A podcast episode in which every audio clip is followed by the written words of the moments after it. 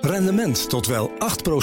Ontdek Unity. Wij bieden koppelbare werk, kantoor en opslagruimtes die staan voor duurzaamheid, kwaliteit en veelzijdigheid. Sluit je aan bij Unity, waar alle ruimte is voor creativiteit, lef en rendement. Kijk voor meer informatie op unity-units.nl. Beleggerspanel. Meta verliest zo'n 150 miljard dollar aan waarde... na de presentatie van teleurstellende cijfers. En de VEB eist dat de AFM onderzoek doet... naar de verkoop van Hunter Douglas door de familie Sonnenberg. Dat en meer bespreek ik in het beleggerspanel. En daarvoor zijn aanwezig Koen Bender van Mercurius Vermogensbeheer... en Martijn Rozenmuller, Head of Europe bij Van Eck. Welkom. Dankjewel. En ik begin bij jullie laatste transactie. Dat is wel eens uh, spannender in zo'n panel... want jullie zijn allebei tamelijk uh, rustig wat dat betreft. Koen, wat kun je daarover zeggen? Nou, ik kan erover zeggen dat wij uh, uh, vier keer per jaar uh, in de discipline een herbalancering doen. Dat is altijd de, de middelste maand van het kwartaal, dus februari. En wat we dan doen, dan kijken we wat is er hard gestegen en wat is er minder hard gestegen. En dan gaat alles weer terug naar de basisopstelling. Uh, nou, deze uh, paar maanden na de maand januari, wat is er hard gedaald en wat is er minder hard gedaald? Dus voor het eerst in tijden hebben wij obligaties verkocht over het algemeen en aandelen bijgekocht. Uh, omdat we zien dat die harder gedaald zijn in de afgelopen periode. Uh, en we dus een interessant moment vinden om. Om daarin wat bij te komen. Maar dan moet je toch wel weten dat die daling zo ongeveer zijn diepste punt heeft gehad. Nou ja, weet je, het timen van de markt is. Uh, wij zijn daar niet heel erg goed in uh, gebleken in al die jaren. En ik ben nog maar weinig partijen tegengekomen die daar echt consequent heel goed in zijn. Uh, en dus proberen we dat ook niet. En, en, en, zien we veel meer van, goh, zijn er irrationele bewegingen in de markt? Ja, vaak zijn die omhoog. En dan, dan uh, krijg je van, van beleggers het uh, commentaar terug... ja, maar het gaat toch goed, waarom verkoop je nou aandelen? terwijl succesvol zijn in datgene wat je doet... of dat nou uh, uh, schaatsen op de 1500 meter is... of een andere Olympische sport.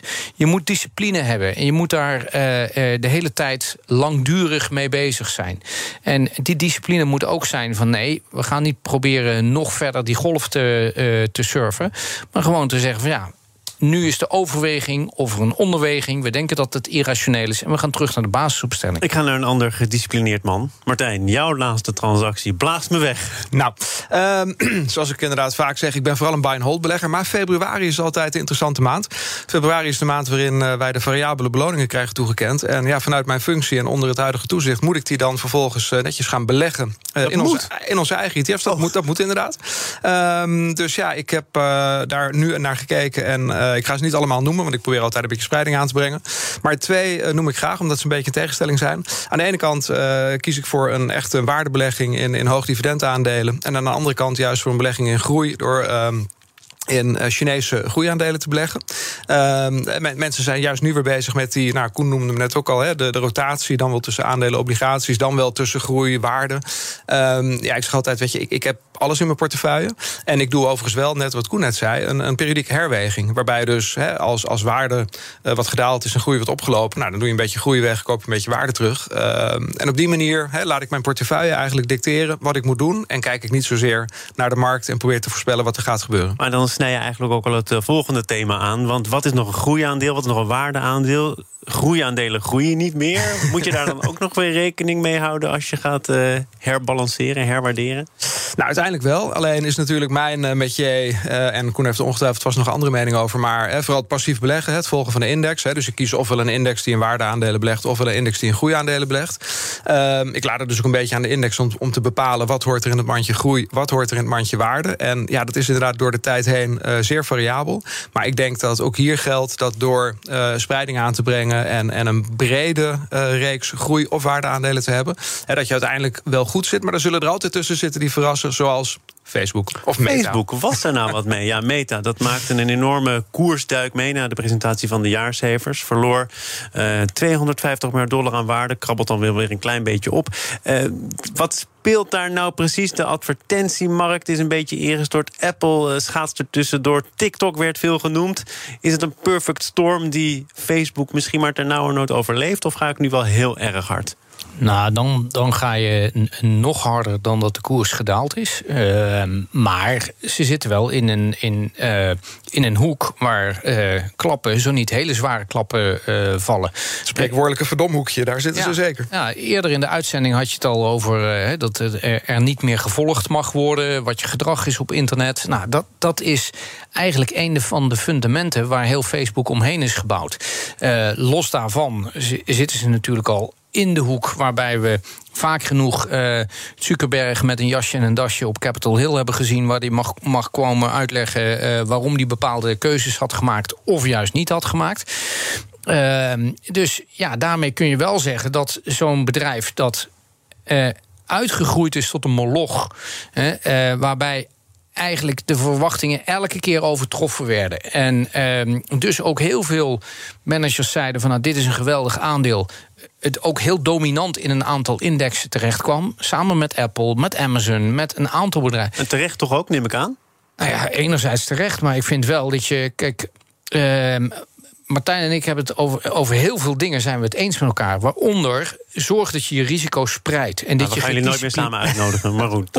uitzending wordt dat, dat je gedisciplineerd moet omgaan met bepaalde dingen. Alleen waar we in mening van verschillen, misschien dat we dan toch nog een keer een uitnodiging samen krijgen, uh, is dat ik denk dat je van, uh, wel bij een aantal bedrijven fundamenten kan zien die uh, oké okay zijn en die minder oké okay zijn. Net zoals dat je aan een balans kan zien of een bedrijf last gaat hebben van inflatie of niet. We hebben het hier eerder over gehad. Een bedrijf met heel veel personeel, met een relatief lage winstmarge, met veel grondstoffen die ze gebruiken in hun processen, is veel kwetsbaarder voor inflatie dan een bedrijf dat uh, hoge uh, toetredingsbarrières heeft in de business die ze doen, die uh, een hele grote omzet maken met relatief weinig personeel. Dan heb je minder last van inflatie en die pricing power heeft. En heel lang heeft dat niet uitgemaakt, omdat we eigenlijk geen inflatie gehad hebben omdat we alleen maar dalende rente gehad hebben. Maar nu ga je terugkeren naar een periode waar dat wel degelijk het geval is.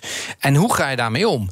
En ik denk dat daarmee wel degelijk het uitmaakt dat je balans leest en kijkt naar de keuzes. Dus Facebook moet eigenlijk uit een aantal indices verdwijnen. Nou, ik, ik, speel hem nu even door naar Martijn. oh ja, nou, dan naar Martijn. nou, jullie zijn het namelijk grandioos oneens te zijn. Ik ben benieuwd. Ja, nou, kijk, op zekere hoogte uh, beslist de index natuurlijk hè, wat er wel en niet uitgaat. En op het moment dat een bedrijf minder succesvol is, de beurskoers daalt, ja, komt het uiteindelijk minder zwaar in zo'n index. Ja, dus is, is dat nu al het geval?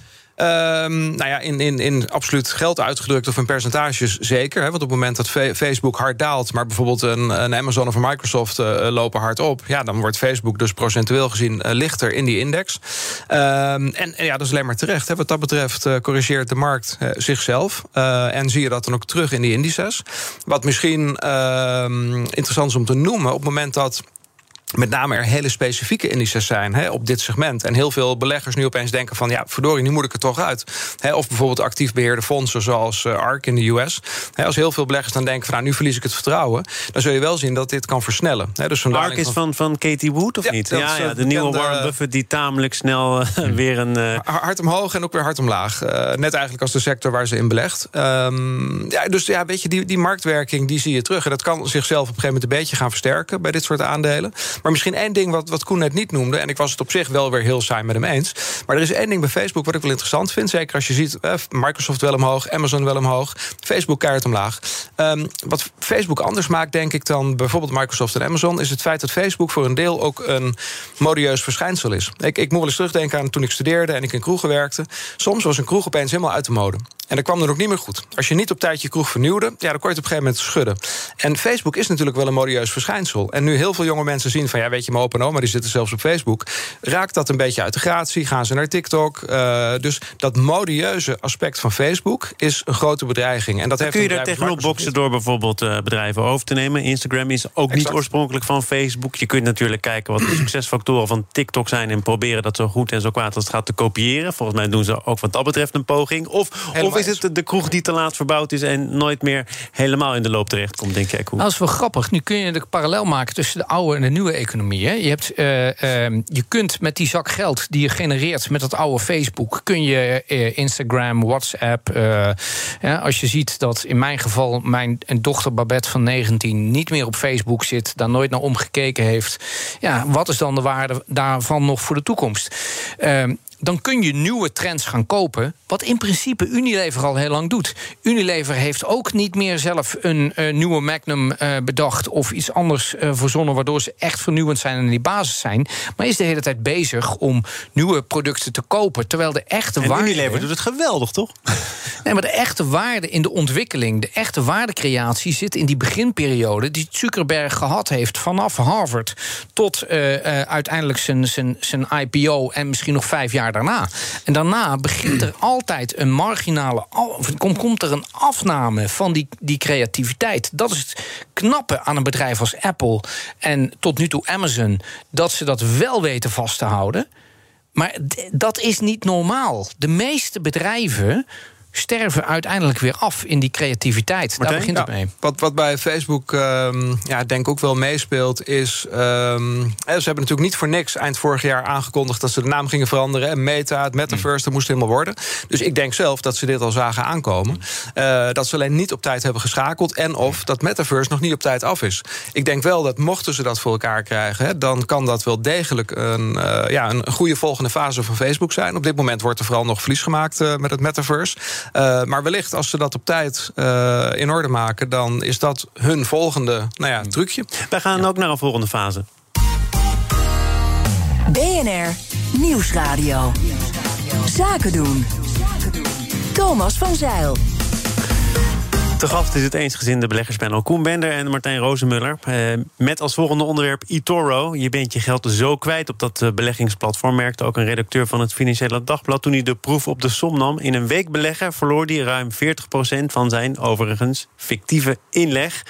Martijn, laat ik bij jou beginnen. Uh, want we hebben net uitgebreid gehad over de strategie. Kalmte kan je redden. Buy and hold. Niet al te moeilijk, niet al te springerig. En dan kom je terecht op zo'n platform als eToro voor de mensen die daar nog niet voor zijn gevallen. Die bestaan ook nog wel in grote getalen. Wat kun je daar?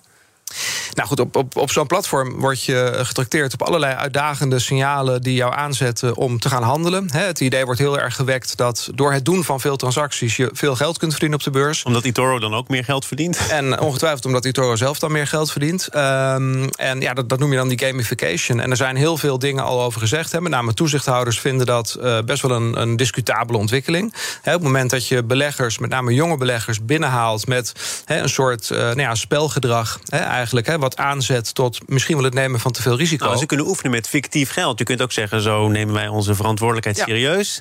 Mocht blijken dat je er nog helemaal niet klaar voor bent... dan heb je van, van ons een officiële waarschuwing gehad... zonder dat je geld verloren bent. Hartstikke vrij. Ja, helemaal top. Alleen je leert daarmee niet beleggen, je leert speculeren. Het is allemaal heel erg korte termijn gericht. En alle onderzoeken laten zien hè, dat de meeste beleggers daar geld mee verliezen. Sterker nog, alle reclames die dit soort bedrijven maken, moeten ook als onderschrift hebben: 70 tot 80 procent van de beleggers verliest hun geld. En dat is natuurlijk wel een teken aan de wand. En ik ben ook heel blij dat het FD dit onderzoek gedaan heeft. En al is het dan maar fictief, ik denk met echt geld was precies hetzelfde gebeurd. Uh, dit geeft heel erg te denken. Hè. Dit geeft ja, heel jij te er natuurlijk ook van. We hebben elkaar hier eerder over gesproken over iets soortgelijks. Dat jij met Van Eck natuurlijk allerlei huppeltjes moet springen. Ja. En, en je heel erg uh, behouden moet opstellen. Niet al, te, niet al te hoog van de toren mag blazen. En tegelijkertijd lijkt het erop dat platforms als eToro uh, vrij spel krijgen met alle gevolgen van dien. Ja, ik ben ongelooflijk jaloers dat ze in staat zijn om het en niet alleen op de markt te brengen, maar ook nog inderdaad door het te nudgen, verkeerde prikkels te geven. Mensen, mensen eigenlijk aanzetten tot gedrag wat uh, niet in hun voordeel is. He, terwijl bepaalde opzetten, onder andere zoals wij hem aanbieden, en ik denk dat Koen dit ook weer met me eens is, maar um, ja, het, uh, daar wordt het eigenlijk veel moeilijker gemaakt. Het is veel moeilijker om mensen met iets saais te overtuigen wat wel werkt, dan, dan iemand te overtuigen van iets heel spannends, wat eigenlijk op lange termijn alleen maar verlies oplevert. Maar is... ja, weet je, ik, la, laat ik optekenen dat ik het niet met je eens ben in het uh, feit dat ik er niet jaloers op ben. Ah. uh, oh oh. Ik vind het uh, een vorm van schandaligheid hebben dat, dat dit soort dingen kunnen. Um, beleggen heeft, zeker in de beginfase, kan je gewoon het goed doen. En kan het zijn dat je uh, veel geld in een korte tijd uh, uh, vergaart. En dat werkt verslavend. En op die verslavende aspecten gaan dit soort partijen inspelen. Die gaan je prikkels geven om meer dingen te doen. Het is niet veel anders dan gewoon een doopdealer die langskomt met, uh, met het een en ander, waar er weer meer door wordt gedaan. En dat wordt heel mooi blootgelegd in dat artikel van, uh, van het FD. Maar het is niet nieuw. Staat Want... hier niet gewoon de oude wereld die langzaam ziet dat die wordt ingehaald? Hè? Ik bedoel, ik heb al aangegeven, je kunt uh, met fictief geld het een beetje leren. Mocht blijken dat je er weinig verstand van hebt, dan wordt dat via een vragenlijst duidelijk. Dan worden je mogelijkheden beperkt. Ja, ik, ik vraag het toch maar even zo cru als het is. Dit is natuurlijk ook voor jullie een serieuze concurrent. Ja, maar als ik daar dan heel kort in ieder geval één ding op mag zeggen, dan is het dat uh, deze korte termijn strategie, die veelal met geleend geld werken, echt aantoonbaar niet werken. Je moet uh, als uh, zeg maar verstandig aanbieden van beleggingsproducten. En moet je mensen altijd vragen: van, goh, dat geld waarmee je gaat beleggen, kun je dat voor langere tijd missen? Je moet het eigenlijk minstens tien jaar kunnen missen om uh, verstandig te gaan beleggen. Uh, hier wordt belegd met geld wat die mensen niet eens hebben, maar hebben moeten lenen. En om die reden he, is het uh, uitstopmoment, of het moment waarop ze dus hun inleg kwijt zijn, is vaak uh, eerder in, in, in dagen of weken te meten dan in maanden of jaren. En, en dat is dus heel kwalijk, want het wordt gepositioneerd als beleggen. He, op die manier worden mensen binnengehaald. Maar het is absoluut, ik kan het niet vaak genoeg benadrukken, geen beleggen. Dit is speculeren of ouderwets schokken. Absoluut. En kijk, het kwalijke is dat uh, uh, deze partijen veelal binnenkomen via buitenlandse routes, waarbij ze aan minder wet en regelgeving moeten voldoen. En op die manier binnenkomen in de Nederlandse markt. Uh, ik heb geen enkele vorm van, van jaloezie waar ik wel. want ja, ik kan, we weten hoe wij beleggen en dat is misschien veel minder sexy, maar het gaat om de lange termijn.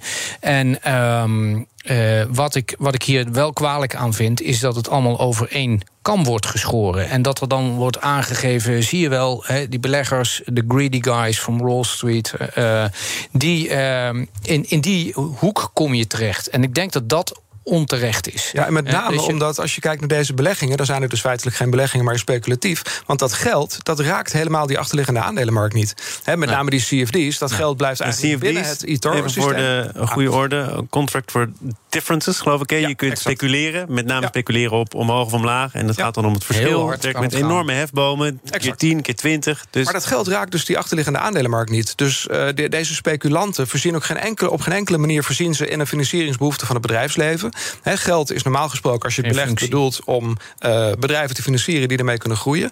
In dit geval uh, is het alleen maar tegen elkaar gokken en raakt dat geld die achterliggende markt niet. En dat is ook kwalijk, want het heeft dan geen economisch bestaansrecht. We gaan naar Luxeflex, want uh, beleggers Club VEB, de Vereniging Effectenbezitters, wil dat de AFM een onderzoek instelt naar de verkoop van Luxaflex-maker Hunter Douglas door Ralf Sonneberg aan de investeringsmaatschappij 3G. Uh, een korte schets van de geschiedenis. Sonneberg verkocht zijn aandelen voor 175 euro per stuk, terwijl hij een jaar eerder nog veel kleine aandeelhouders had uitgekocht voor 82 euro per aandeel. En een van die uitgekochte kleine aandeelhouders was onze eigen beursanalist Corné van Zijl. In zijn column vertelde hij een tijdje terug dat hij liever aandeelhouder had willen blijven. De familie zit achter het stuur, jij op de achterbank. En als het zat zijn, zetten ze je de auto uit met een fooi. Ook al wil je de rit graag uitzitten. Heeft de VEB, laten we daar beginnen, uh, gelijk? Zijn de kleine aandeelhouders, zoals ook onze eigen Corné... die hun aandelen dus in eerste instantie al aan Ralf Zonderberg hadden verkocht... belazerd of is all in the game? Koen? Nou ja, ik denk dat dit... Uh dat Sonnenberg eigenlijk alle uh, uh, schijn tegen heeft in, in dit verhaal. Want als je eerst 60 euro biedt. Vervolgens 82 euro biedt omdat het wordt afgedaan als een fooi. je 18% die je zelf niet hebt van de beurs af wil halen. Daar uiteindelijk met name de kleine beleggers met die 82 euro laat intekenen en die aandelen laat overhandigen. En dan binnen acht maanden tijd het bedrijf voor meer dan twee keer zoveel per aandeel verkoopt. Uh, in totaal ging het om 6,2 miljard aan een investeringsmaatschappij. Thomas, die investeringsmaatschappij belt niet op en jij zet niet morgen een handtekening. Dat is een lang proces. Daar, daar moeten kleine aandeelhouders zich ook niet laten informeren? Ik begrijp dat het Ad Value Fund van Willem Burgers wel heeft vastgehouden aan zijn aandelen en ook een rapport heeft opgesteld waar je gewoon naar kon kijken. Uh, waaruit bleek dat het aandeel zo'n 175 euro waard was. Dan is het toch je eigen verantwoordelijkheid om voor 82 euro akkoord te gaan, of niet? Natuurlijk is dat je eigen verantwoordelijkheid. Net zoals dat voor de, de, de, uh, de mensen bij Itoro het eigen verantwoordelijkheid is om research te doen. Om te lezen, om te kijken. Maar uiteindelijk ga je ook ik vind dat je als uh, uh, publiek figuur, als groot aandeelhouder van een beursgenoteerd bedrijf, heb je ook een voorbeeldfunctie. En heb je ook een morele kompas nodig om te zeggen: ga ik mensen willen nu wordt, ze weten, nu wordt het want gaat de moraliteit meespelen en dat is weer iets anders. Uh, of de vraag: ben je belazerd, al dan niet op zijn plaats is. Wat denk jij, Martijn? Nou, om, uh, om, te beginnen, ik denk dat het goed is dat hè, als de VEB hier een beetje rook ziet, hè, dat ze vragen of de AFM uitzoekt of er ook vuur is. Um, maar tegelijkertijd denk ik ook van ja, weet je, uh, Koen noemde net acht maanden. In mijn beleving was het twaalf maanden. Maar goed, er is een hele tijd overheen gegaan. En inderdaad, zo'n deal wordt niet van vandaag op morgen gesloten en getekend. Um, en, en of het dan acht of twaalf maanden is. Jij, vind, jij vindt dat een, een, relatief lange periode? Ik zie Koen bedenkelijk ja, kijken. Ik vind het een relatief lange periode om, om de volgende reden. Um, voor die investeringsmaatschappij en uh, voor meneer Zonneberg... He, zou er best wel een risico geweest zijn... als ze dit al uh, meer dan een jaar geleden hadden bekokstoofd... He, en toen besloten hadden van... nou goed, gaan we eerst proberen de kleine aandeelhouders uit te kopen... om he, vervolgens uh, wat meer zelf over te houden. Um, dan, dan zou er dus al een intentie moeten zijn geweest... om op een bepaald bedrag de boel over te nemen... met nog 12 tot, tot, tot 16 maanden uh, te gaan. Ja, er kan in 12 tot 16 maanden veel gebeuren. Dan neem je veel risico. He, als ze dit eind 2019 hadden bekokstoofd... en uh, april of maart 2020 was er overheen gekomen... ja, dan hadden ze waarschijnlijk heel anders uh, gelachen. Dus er is wel degelijk een, een, een soort van marktwerking hier. Er is wel degelijk inderdaad... Er gebeurt, er gebeurt hier iets bijzonders. Ik moet er toch van profiteren, want het eensgezinde panel valt uiteen. Koen, jouw nee, slotpleidooi in deze uiteindelijk, zaak. Uiteindelijk Sonnenberg met 80% van de aandelen al in handen voor die tijd bepaalt wat er gebeurt linksom of rechtsom. Als er een rapport ligt van uh, Value dat het 175 waard is per aandeel, dan weet Sonnenberg dat ook. Het zou raar zijn als hij dat als bestuursvoorzitter niet weet.